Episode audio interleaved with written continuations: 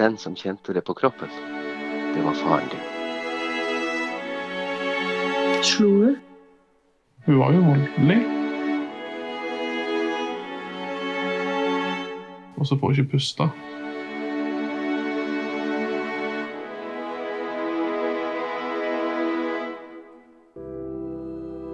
Pappaen min er verdens beste pappa. Han har vært med på å gjøre min barndom til et fantastisk eventyr som jeg kan se tilbake på. Men sånn var det ikke for han. Jeg og pappa har et ganske bra og nært forhold, og vi kan egentlig snakke om alt. Men akkurat barndommen hans og hvordan han hadde det i oppveksten, har vi ikke snakka så mye om. Jeg husker jo når jeg var liten at jeg lurte på hvorfor jeg ikke hadde noen farmor og farfar. Og da fikk jeg jo på en måte litt svar på det, men jeg var jo så liten, så jeg skjønte egentlig ikke så mye. Nå har jeg bestemt meg for å grave dypere og fortelle pappa sin historie. En historie om et barn som til tross for omsorgssvikt og barnemishandling likevel ble verdens beste pappa sjøl. En historie om min pappa, løvetannbarnet.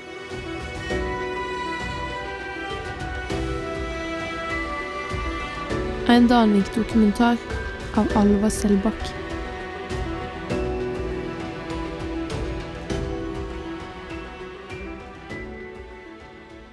Nå sitter jeg og skal bestille togbilletter fra Drammen til Stavanger. Fordi pappa sin onkel og tante, eller fosterforeldre, de bor der. Togbilletten til Stavanger, den er nå kjøpt, og det er bestemt. Nå skal jeg reise. Jeg tror det er veldig viktig å få snakka med de, fordi pappa har jo bodd hos Gunn Helene og Arnt, og han har jo vokst opp der. Det er så sinnssykt mye jeg lurer på, og jeg har nesten lyst til å bare si fortell meg alt. Jeg har et spørsmål som jeg kanskje gleder meg litt til å få svar på, men jeg er jo veldig redd for å spørre.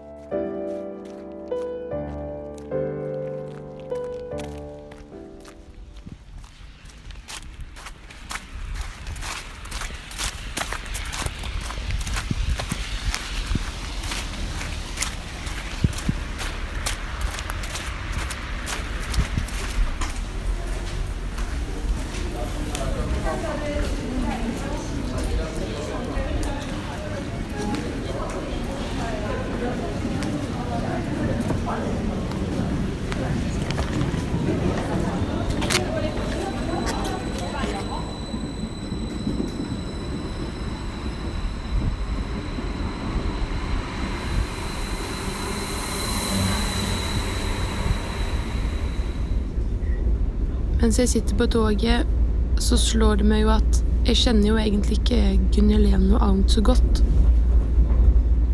Og jeg kan kjenne at klumpen i magen vokser litt. Tenk om de egentlig ikke har lyst på besøk, og bare følte seg pressa til å si ja.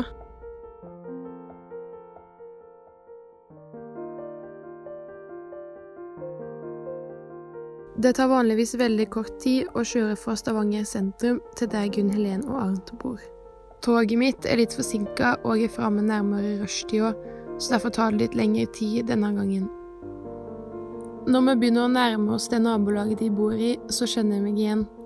Her har jeg vært før. De bor i en liten, koselig leilighet tre etasjer opp, og jeg kjenner til min egen overraskelse at jeg føler meg ganske hjemme.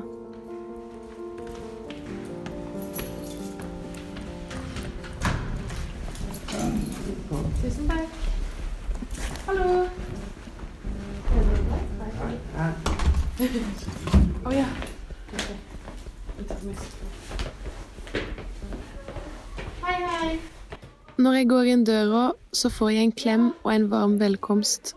Og de lurer på om jeg ikke har lyst på pizza. Hæ? Vi koser oss med pizza og prater om alt og ingenting. Arnt må på møte, og Gunn Helen og jeg blir sittende igjen og skravle litt til før jeg spør om hun er klar for intervju. Hun sier nervøst ja, og vi setter oss i hver vår lenstol foran TV-en i den lille, koselige stua. Hvis jeg da spør hvem er Ingelill, hvordan er hun Hvordan er hun som person? Som, som søster, eller som, som mamma, da? Til pappa? Nei, hun er jo ikke noe mamma Nei. til han Espen. Og har vel aldri vært noe skikkelig mamma for han. Pappa er nest eldst i en søskenflokk på fem, og alle ble adoptert bort til nye familier da de var små, bortsett fra pappa. Gunn Helen forteller at da hans tre yngre søsken ble født, så ble de tatt vekk fra Inger-Lill på sykehuset og fikk sin nye familier. Og da lurer jeg på hva skjedde egentlig med pappa når han kom til verden? Var han den eneste som ble værende igjen?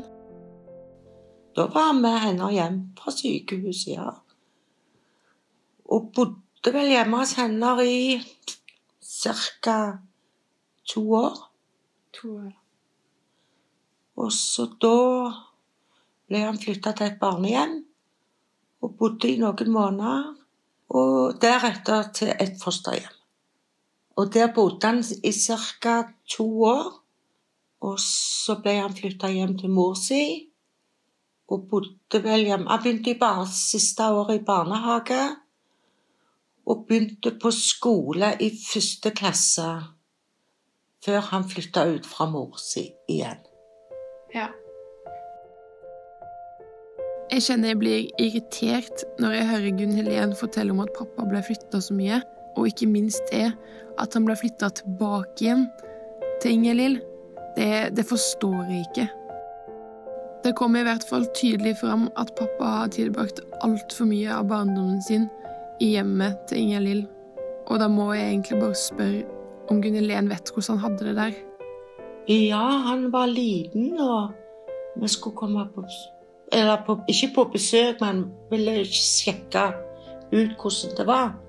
Og da var det ingen hjemme, men døra var oppe, og Espen satt på rommet sitt helt mørkt og kun i ei bleie. Og hvor lenge han hadde sittet der, det vet vi ikke. Og så var det som regel aldri mat i kjøleskapet. Ingenting. Nei, så å si ingenting. Var han blid som liten? Ja, etter han flytta ut ifra henne, når han kom til oss, så var han ganske blid. Men jeg har nok opplevd ganske mange ting som jeg gjerne ikke vet om. Men hun sniffa jo ganske mye mens Espen bodde hos mor. Og han, hvis han så det var noen sånn flasker med sånn linol, så tømte den lille gutten det ut. Hvor tidlig begynte hun å sniffe? Jeg er nå ikke 100 sikker, men det kan ha vært rundt ca. når hun var tolv år. Det er jo ganske tidlig. Ja. Du er jo fortsatt barn da. ja, du er jo et barn da. Du går jo på sjette klasse på barneskolen. Ja.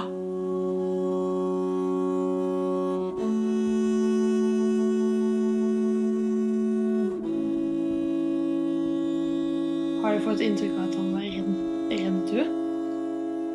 Ja, etter han flytta til oss, så virka det som om at når hun skulle komme på besøk, så gjemte han seg og fikk smerter i beina. Og han gjemte seg ute på kjøkkenet. Vi hadde en en benk så han kunne krype unna. Og da fikk han vondt i beina. Han fikk vondt i beina og kunne mest ikke gå. Hva er det, det sterkeste minnet du har? Jo, det, det sterkeste er jo sånn som du tenker på hvordan, hvordan han hadde det hjemme hos mora. Og men når vi gjerne visste hvordan han hadde det, så var det jo gysla vondt. Hun, hun vet ikke hvordan det er å, å være mor. Nei.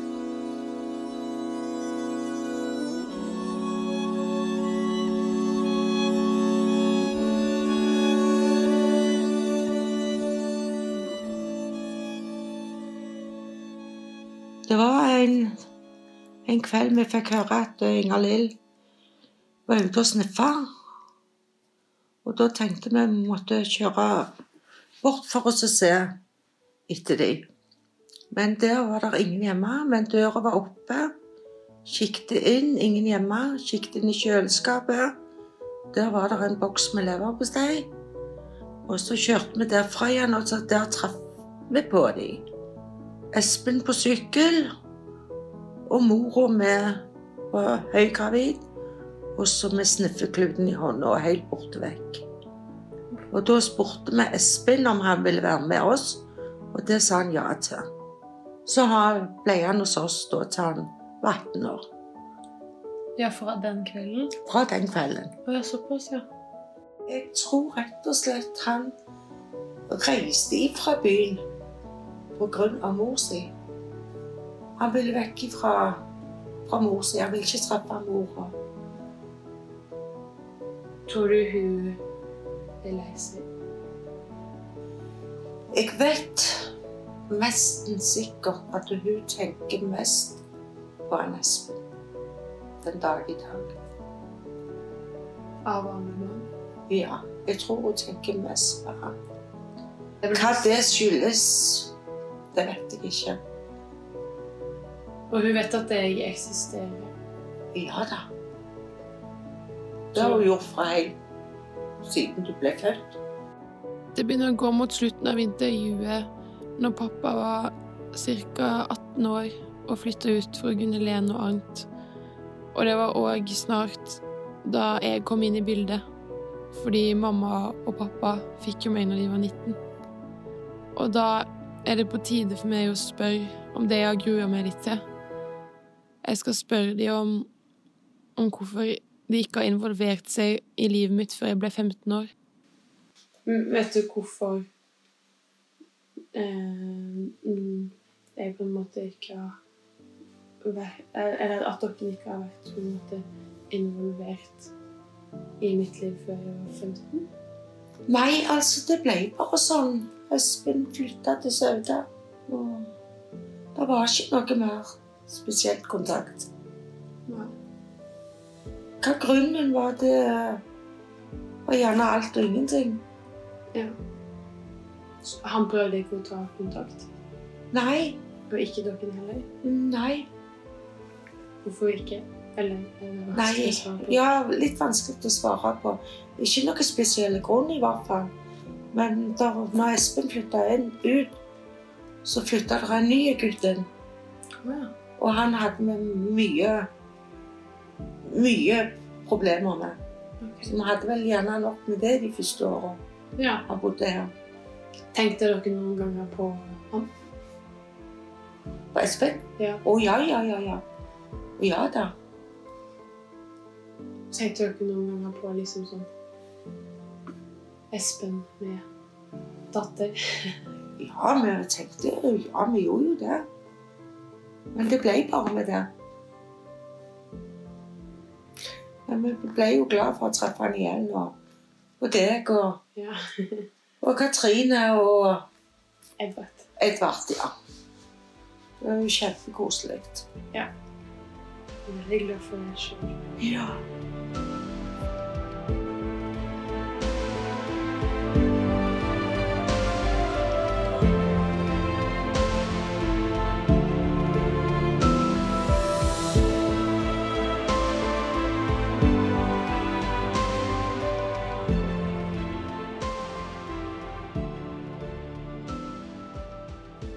Intervjuet med Gunn Helen er nå ferdig. Men mens vi sitter og snakker litt etter vi er ferdig med opptak, så kom jeg på et navn. Rolf.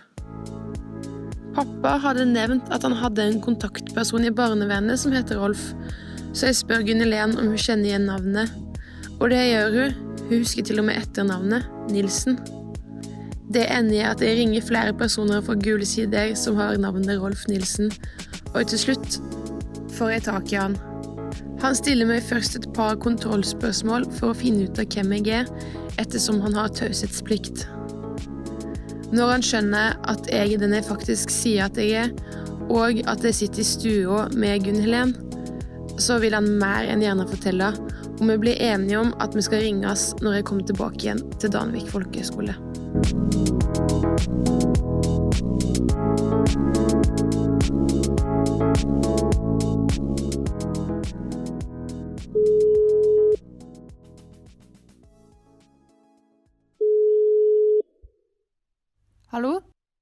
Rolf tar telefonen, og vi småprater litt før jeg spør om noe jeg har gleda meg til å få svar på. Nemlig hvorfor pappa ble flytta tilbake igjen til Ingalill etter han hadde vært i fosterhjem.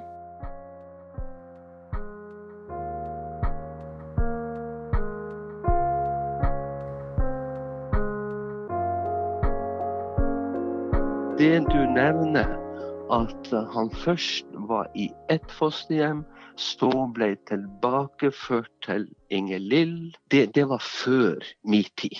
Og det var før Altså, din tid, ja? Ok. Ja, ja. Så jeg begynte og fikk en rolle i forhold til faren din sånn like før at han da ble at han flytta til, til Gunn Helene og Arnt. Så Ja, da kommer jeg inn i bildet. Jeg skjønner. Og det er helt klart det at en del barn ble utsatt for en del flyttinger de ikke skulle ha hatt. Det var litt skuffende at jeg ikke fikk svar på hvorfor pappa ble flytta. Men det var jo før Rolf sin tid. Nå lurer jeg på hva inntrykk Rolf fikk av pappa. Det er noen barn som forteller og sier ifra noe veldig kraftig viktig uten å si et eneste ord. Og da skal vi tilbake til en natt. Ei natt hvor det helt klart ikke er bra det som skjer hjemme. Han opplever noe som vi ikke helt vet hva er, men det er så bra at faren din på det tidspunkt, hva han var, syv-åtte år, opplever her kan ikke jeg være. Så Espen han går, og hva gjør unger? Igjen, barn er klok. Barn søker trygghet der de vet at trygghet er å finne. Så den der faren din, en natt, han kler på seg, går ut fra heimen sin på Hundvåg og går hjem til Gunn Helen og Arnt. Og etter at vi snakka første gang, så tenkte jeg at hvor lang tid kan faren din ha brukt på den der gåturen midt på natta? Så eh, jeg var i går og, og gikk den turen. Og jeg brukte altså 1 time og 55 minutter på den turen. Jeg, jeg går ganske fort. Men jeg tenker små bein på natterstid har brukt mye lengre tid på, på det. Men det var en løsning som far din sjøl fant frem til. Han var ikke trygg, han oppsøkte trygghet. Rolf forteller at bare noen dager etter pappa har gått den lange turen fra Ingjerd Lill til Gunn Helene og Arnt, så får han en telefon. Det er Gunn Helene som ringer, og hun forteller at hun, Arnt og pappa har et ønske om at pappa skal bo hos de.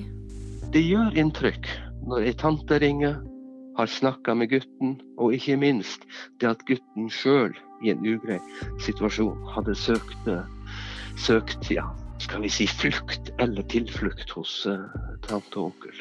Jeg kjenner at jeg blir ganske rørt når jeg hører hvor langt pappa var villig til å gå midt på natta for å komme seg vekk fra sin biologiske mamma.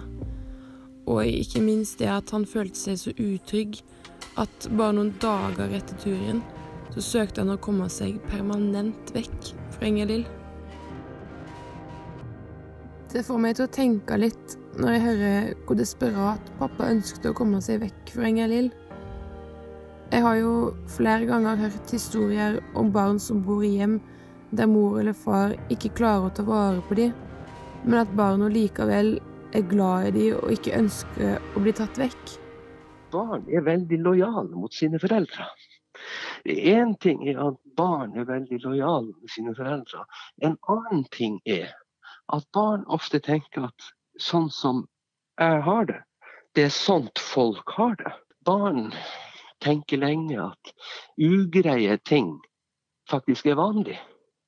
Så, så det er mange eksempel på at barn som har hatt det ugreit hjemme, kommer i fosterhjem, og så opplever vi at voksne og et familieliv er noe helt annet enn det de opplevde sjøl. Men, men lojaliteten opp mot eh, foreldre hvor det har vært ugreit, den, den er ofte veldig sterk. Gjorde pappa et sterkt inntrykk hos deg? Ja, når jeg lett husker denne historien og den delen av historien til så, så mange år, så er det jo det at eh, det er helt klart det at faren din var så tydelig med sjøl å vise hva han ville, gj- gjorde et sterkt inntrykk. Eh, igjen, jeg sa jeg måtte gå denne turen for å se hvor lang tid tok det for mine voksne, raske bein. Og da ble det jo enda tydeligere for meg hva små bein på nattestid eh, faktisk fikk til den, eh, den natta. Vil du si at pappa er et løvetannbarn? Det er et eh, begrep som blir eh, brukt over de her som da på tross av dårlige vilkår eh, kan hete slå rot, skyt knopp og blomstre. Så, så sånn sett så er det nærliggende så tenker jeg at eh, faren din han har noen noen sånne løvetangener i seg. Ja. Til slutt så må jeg spørre Rolf hvordan han reagerte når jeg ringte han første gangen, når han fikk en sånn telefon etter så mange år. Ja, altså, etter at jeg hadde skjønt at jeg snakka med rette vedkommende, så er det helt klart det at eh, det var forhold tilknytta faren din som sto der smokk klart som en påle med en gang. Fordi at faren din ble tydelig for meg. Han sto frem for meg. Jeg har jobba med kjempemange unge ungdommer i, i årenes løp. Det var veldig enkelt å få et bilde, og få et bilde av faren din den gang eh, frem. Og når jeg nå hører at mannen er 40 og har en datter, så tenker jeg å, så bra, så kjekt. Da tenker jeg det har gått Espen bra her i livet. Det er først og fremst takket være han sjøl, og så er det takket være at eh, Gunn, Helen og Arnt var der og var viktig for ham. Nå er det på tide å reise hjem, fordi nå skal jeg snakke med pappa.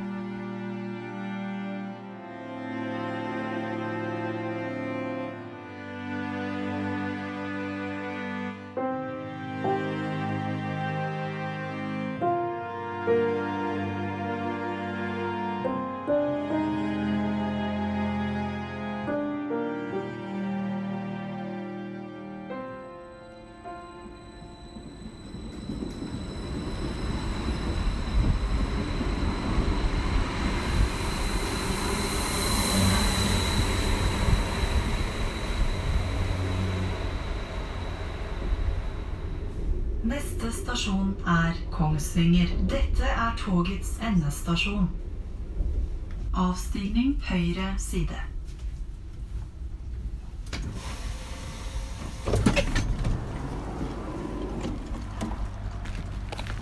Jeg går av toget i Kongsvinger, hvor pappa og lillebroren min Edvard skal hente meg. Og nå kjenner jeg at jeg gleder meg skikkelig til å se det igjen.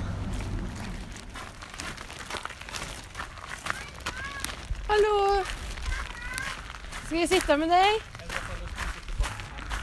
Ja, det kan jeg hjelpe. Er det her på den sida her? Ja.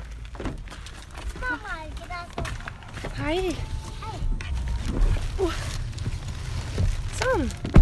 Hei. Skal jeg ta på beltet? Ja. Ja. Det er viktig. Når vi kommer hjem, så er det leggetid for Edvard, men først er det kveldsmat. Jeg spinnes først. Kanskje Alva vet hva smør er godt for? Hæ? Da får du i deg meieriprodukt, og i meieriprodukt så er det proteiner. Og det er bra. Dere spurte meg hva smør var godt for. Altså, vi ofte snakke om mat og hva det er bra for. Ja. Så spurte jeg meg hva smør er godt for. Og så var det sånn eh, Når Edvard er ferdig med å spise kveldsmat, hjelper jeg han å pusse tennene før pappa skal legge han. Pappa har lagt Edvard, og det er snart tid for intervju.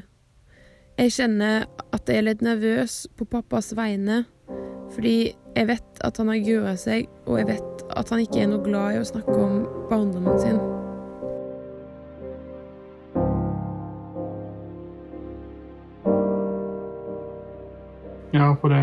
Biologisk. Det er det eneste.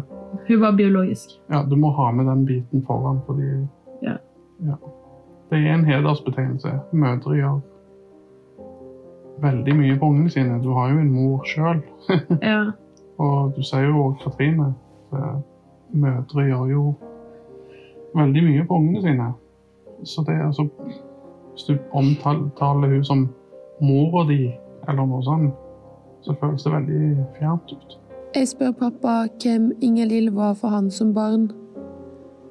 Det blir stille, så jeg legger til For hun var jo i livet ditt eh, enten du ville eller ikke, liksom. Ja, jeg, bodde der en liten stund. Det var synd at jeg ikke fant fram noen bilder. For det, det er et bilde av meg når jeg var helt i begynnelsen av barnehagen. Da ser du jeg smiler og er alltid sånn som Edvard sånn Hei, alt er fint. Og så har jeg etter jeg hadde bodd hos henne vet ikke hvor lenge jeg bodde der før, de tok meg ut derifra igjen. Og da er jeg en helt annen person i ansiktet. Jeg husker mot slutten, når jeg bodde der, i alle fall, så var det sånn jeg var bekymra for å spise maten. Og jeg var redd for at han hadde vært forgifta. Det sier de er et typisk tegn på at barn ikke har det bra. Det er når de, når de begynner å tvile på om maten de får, er spiselig. Og ettertid, etter jeg hadde flytta vekk derifra, så, så husker jeg Når du var barn eller ungdom. en barn. Ja. Jeg tenkte jo på henne som moren min, men det tok ikke mange år før jeg skjønte at hun bare, var en feil, manipulativ person, eksempel. Så det, det er noe jeg reagerer på nå. Sånn i bare helt, helt ordinære sammenhenger. Sånn normal sosial press. For at hvis du eksempel, du skal få Victor til å bli med på kino, og så sier du kanskje sånn Kom igjen nå, Victor, så skal du slippe å ta oppvasken. Eller et eller annet sånt du bare manipulerer i hermetegn. Det, det reagerer jeg på. Det liker du ikke. Nei, Absolutt ikke. Hvem er Inger Lill for deg i dag? Ingen person. Når jeg bodde i Notodden, så, så begynte hun å ringe og prøvde å ta kontakt. Var så freidig, og så ringte Hei, det er mamma. Klarte hun å si i telefonen. Nei, det er du ikke. Jeg er vokst opp på i fosterhjem og barnehjem. Du har aldri Jeg tror, jeg husker ikke jeg sa Du har aldri vært mor for meg. Kanskje jeg sa det. Min biologiske farmor, eller pappas biologiske mor, begynte å sniffe lynol når hun var tolv år, og fortsatte med det gjennom hele oppveksten til pappa. Derfor spør jeg om han noen gang som liten kunne huske at hun var rusa. Han svarer ja ja, så klart. Nei, når du er så liten, så forstår du ikke de konseptene. Men eh, du, du forstår at ting er ikke som det skal være. Bare se for deg at eh, jeg er en helt annen person, eller forandrer meg veldig At jeg er uforutsigbar. Det er jo det man husker. Eller ofte sånn man forstår det som liten. Pappa husket tilbake til den dagen Gunn Helene og Arnt kom og hentet han. Istedenfor å bare la pappa være igjen alene hjemme, som Inger Lill pleide, så tok hun han med. Og da vet ikke om hun hadde sniffa opp alt du hadde, og så ba meg dra hjem og hente mer. Oi, Som da sto i en flaske under vasken. gjorde du det? Ja, jeg helte det ut i vasken og fylte på vann. Jeg lurer på hvordan den økonomiske situasjonen var når han bodde hos sin biologiske mor, og da forteller han meg at han aldri kan huske at hun lager mat. De selger den nå i butikken. Eh, Brun, eh, lapskaus i brun saus på boks. Det var til og med festmåltid. Jeg spør om pappa kan huske den dagen han ble henta av Gunn Helene og Arnt. Jeg syns jeg husker det var på, på kvelden. Og da Jeg vet ikke om jeg var på vei til eller fra det huset. Vi bodde en plass, og så var det noe øh, festligheter eller et eller annet. Jeg husker den der grå bilen til han som kom kjørende. Så jeg tror, jeg tror det var Gunnlend som ropte ut vinduet 'Espen, Espen'. Og så bare gikk jeg til, til bilen. Mm. Så kjørte vi derifra. Pappa forteller at onkelen hans, Morten, ofte ble ringt av naboene. Han har jo fortalt om mange ganger, så, så ble han oppringt av naboer og sånn, som hørte barn gråte, liksom. Og da, da måtte jo han dra inn til Hundvåg og klatre opp på taket og inn vinduet mens jeg satt der alene i bleia i mørkt rom, liksom. Tenkte du noen gang at det her er feil, det er ikke sånn en mamma skal være? Du vet, Barn er jo tilpasningsdyktige, så de tilpasser seg det miljøet de er i. Så det Jeg har jo helt åpenbart ikke hatt det så veldig bra, men jeg tenkte jo ikke så mye på Jeg visste jo ikke hvordan andre hadde det. Jeg visste jo ikke hva som var normalt. Gunn Helene og Arnt har jo to andre barn. Følte du noen gang på noe forskjellsbehandling på en eller annen måte? Fikk jo ikke feiret noen konfirmasjon, grunn av den konflikten der. At eh, jeg, jeg følte at eh, ja, Ann-Len hadde jo hatt konfirmasjon, ikke sant? da ble jo familie invitert. Og, og det var liksom en feiring. ikke sant? Så når, når jeg skulle ha konfirmasjon, så følte jo jeg at hun òg burde inviteres. Så endte det jo med at jeg ikke feirte konfirmasjon. Så jeg tror konfirmasjonsfeiringen min var at vi gikk på en kinarestaurant. Det meg og Gunnlen og alt. og Anne-Len. Så hadde de jo så nært òg det, det det kunne ha vært. Eh, reservasjon, sånn halv i et hotell og servering med serv, servitriser og alt var flott. Det var den kontrasten. da. Sånn, sånne kontraster så jeg stadig vekk. Kan du noen gang huske at du var redd for Inger-Lill? Ja, så klart. Hun var jo voldelig. På hvilken måte da? Vold, liksom. Slo du? Uh, jeg husker ikke så mye av de slagene, men jeg husker en gang hun spent sparket mens jeg fløy på meter, for eksempel. Var liksom, jeg lå på sofaen sånn, og så prøvde jeg å få oppmerksomhet på en eller annen måte, så bare Så jeg fløy av gårde. Var jo ofte voldelig. Jeg kan ikke huske at hun var fysisk voldelig så mange ganger, men, men eh, jeg husker i mange år, jeg vet ikke helt opp til ten år sikkert, så hadde jeg en bestemt drøm der du står kan, s- altså Jeg er kjent som drømmelivlig, men uh, det er et par drømmer jeg har huska og, og hatt syn, hvis du skjønner. Huska bilder. Da husker jeg en figur som kommer kommer over meg. Altså, basert på de minnene jeg har fra den drømmen, så, så kan jeg ikke ha vært særlig gammel, for å si det sånn. Kanskje huske språk, eksempel. Altså, at jeg bare ligger, ligger en seng sånn, og så kommer det en figur over meg, og så føler jeg et trykk på hele kroppen. Og så får jeg ikke puste. For jeg har jo lurt på i ettertid om hun rett og slett bare kom med i puta når jeg var babyaktig. Og bare som sagt, ikke mange, mange drømmer. Jeg, jeg drømmer sjeldent, og det, det husker mindre. Men eh, det var noe jeg hadde i mange år. Føler, den kunne jeg se lik, lik drøm over mange år, rett og slett. Så jeg har liksom vurdert tanken om er det minner jeg gjenlever, eller er det noe annet. Jeg spør pappa om han føler for å på noen måte ta hevn. Ja, eller et brev i postkassen så det bare står med store, store bokstaver 'barnemishandling'. Jeg lurer på om pappa har et minne eller en opplevelse som han syns er ekstra tungt. hele perioden. Han skal jo ha, ha det trygt hjemme.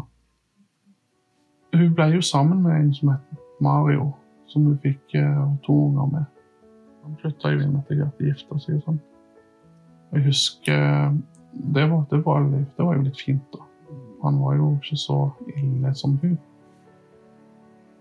Men uh, sosiopaten som hun er, så, så begynte ting å skjære seg relativt fort. da.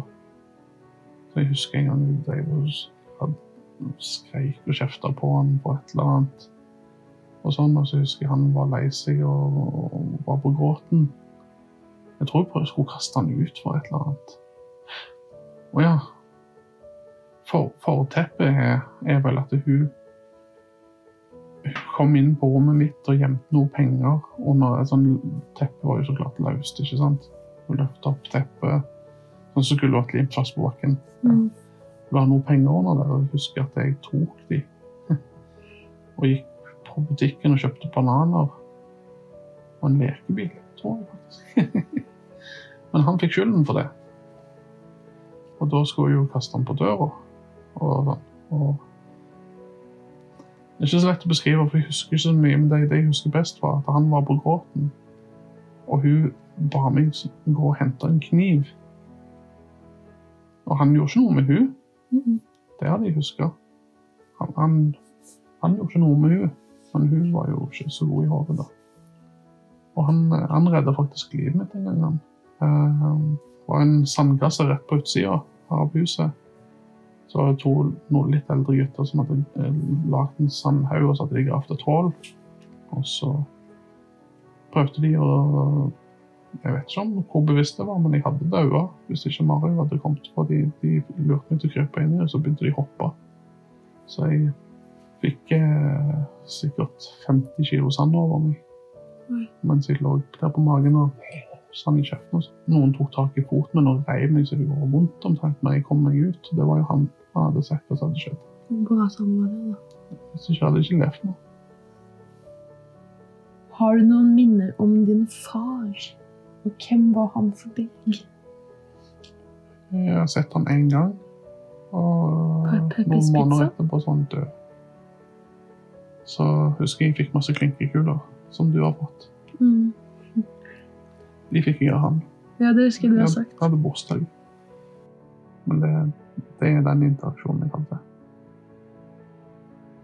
Men jeg husker jo ikke ansiktet eller noen ting. Jeg har jo bild, barndomsbildet hans på, på veggen oppe. Er det han? Det er han, ja. Jeg trodde det var deg. Nei. Ja.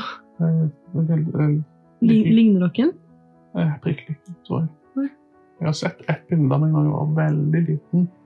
Han gikk i bleia, og så hadde de langt, eller langt, altså, halvlangt hår. Krøllete, hvite lokker. Og det Jeg vet ikke hvor det bildet er der forsvunnet, men eh, jeg tror han er med på det bildet. Men det du ser i hvert fall av meg når jeg er på det bildet der, og du sammenligner med det grått-hvitt bildet som henger i gangen, så er, det nesten samme person. Da finnes jo ikke bilder av meg, vet du. Hvordan hadde du det hos Gunn Helen og alt når du bodde der? Eh, usikkert. På hvilken måte usikker? De var jo ikke mine foreldre. Jeg visste jo ikke hvor lenge jeg skulle bo der. Og Har de betydd mye for deg? ja, de var jo foreldre for meg, så det har de jo. Tror du at omsorgssvikten du var utsatt for, påvirka skolegangen din? Ja, hun lærte jo ikke å lese så på normal tid, tror jeg. Har ikke dysleksi. Den, eh, den går ikke begge veier, dysleksien. Jeg er ikke sånn som ser greske bokstaver når jeg skal lese. Når jeg endelig lærte å lese på barneskolen, første halvdel av barneskolen, så leste jeg jo alle bøkene de hadde på bokbussen om dinosaurer, f.eks. Men jeg fikk jo aldri fikk jo ikke oppfølging for dysleksi, f.eks. Jeg hadde jo nynorsk på ungdomsskolen, mens hvis du har dysleksi, så skal du ikke ha det. Jeg Fikk ikke tilrettelegging for det. Når flytta du fra Gunn og Ard, og hvorfor? Nei, Jeg vet ikke helt. Du, det var ikke et valg. Nei, ikke direkte. Det var ikke du som ville flytte ut. Vel, jeg drev jo og overnatta hos mor di, og sånn. Så plutselig en dag så kom jeg hjem, og så er, er klærne mine putta i søppelsekker. Så da var det jo litt sånn tydelig, da. At der bodde jeg ikke lenger. Hvor gammel var du? Jeg var sikkert 18. Går ut ifra. Hvordan hadde du det mens du gikk på videregående? Hvordan var økonomien? Hvordan tror du?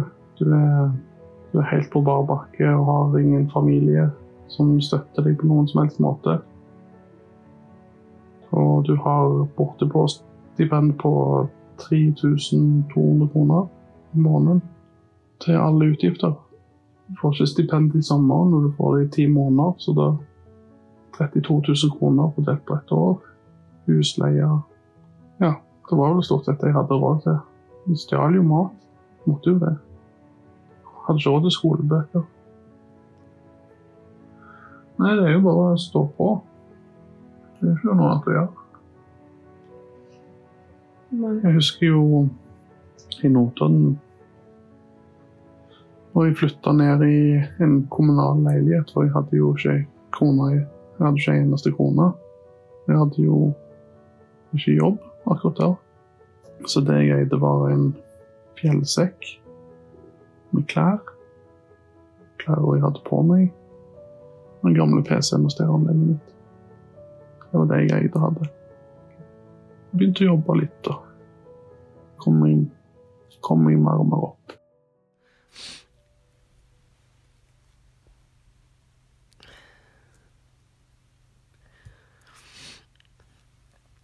Jeg blir så, så lei meg, og jeg får liksom en eh, klump i magen når jeg tenker på, på alt han har vært igjennom.